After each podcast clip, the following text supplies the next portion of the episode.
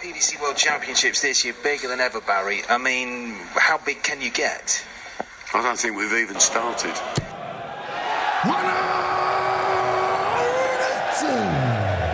Het BDO-WK zit er bijna op.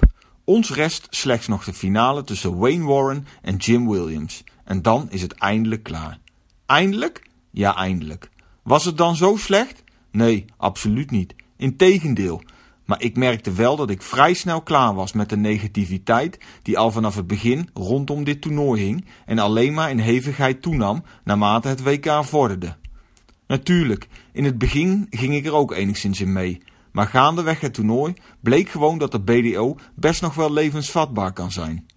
De zaal was steeds beter gevuld naarmate het toernooi, naarmate het toernooi vorderde en zeker tijdens de avondpartijen kwam er zelfs iets van sfeer uit het tv-scherm gekropen. Natuurlijk was de productie vaak onder de maat, functioneerde het scorebord meer niet dan wel en waren beslissende dubbels niet in beeld. En ja, er moest een GoFundMe-actie door de man van Anastasia Dobromislova worden opgezet om de vrouwen nog enigszins te belonen. En natuurlijk werd het prijs, prijzengeld een paar keer doormidden gehakt en had de BDO nooit naar een bijzaaltje van de O2 Arena moeten gaan. En Fallon Sherrock, die was er ook niet. Maar alle negatieve berichtgeving begon me pas echt te irriteren op vrijdag 9 januari. Het leek wel nationale en internationale BDO-bash-dag. Het AD kwam met een interview met Martijn Kleermaker met als kop BDO-kampioenschap bereikt dieptepunt in achterafzaaltje. Kleermaker beschreef nog vrij objectief de situatie. De koppersnelle van dienst had er nog wat show aan meegegeven. Ook de NOS, toch al een fossiel in medialand, waar ze al jaren aan het dode paard schaatsen trekken, meende te moeten berichten.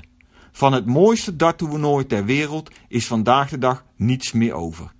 Dit alles schreef Oscar van der Horst. Wie? U kent Oscar niet?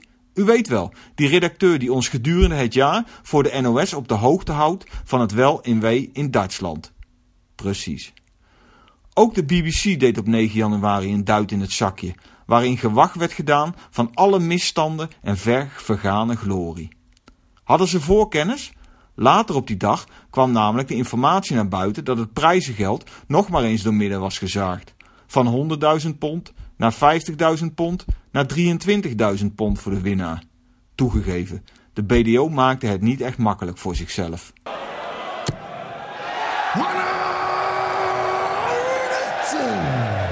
Toch merkte ik dat ik qua darters steeds meer in het toernooi groeide. Stel je voor dat deze spelers van dit niveau gewoon op Lakeside hadden gestaan. In die intieme, iets wat verlopen zaal, dan had je een toptoernooi gehad. Ik merkte gaandeweg de week dat het afwezig zijn van het eeuwige Yaya Touré gebrul een verademing was.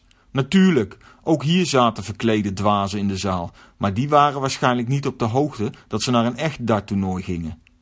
Net als vroeger tijdens de Lakeside zaten hier mensen in het publiek die daadwerkelijk voor het darten kwamen. En die zijn bij ieder PDC-event op één hand te tellen. En het niveau? Dat is nog steeds echt niet zo heel beroerd als je je even door de eerste en tweede ronde partijen heen bijt. Kortom, laten we hopen dat de BDO er al dan wel of niet onder leiding van Des Jacqueline in slaagt levensvatbaar te blijven. En dat we volgend jaar weer kunnen genieten van een nog langzaam wandelendere Scott Mitchell, de kettingen van Wesley Harms en het permanentje van Richard Veenstra. De beide Nederlanders die beide toch niet goed genoeg bleken te zijn om Q-School door te komen. Van darters uit vervlogen tijden als Ross de Bos Montgomery, Gary Robson en Martin Adams. En een hevig aan zijn vingers likkende Andy Hamilton.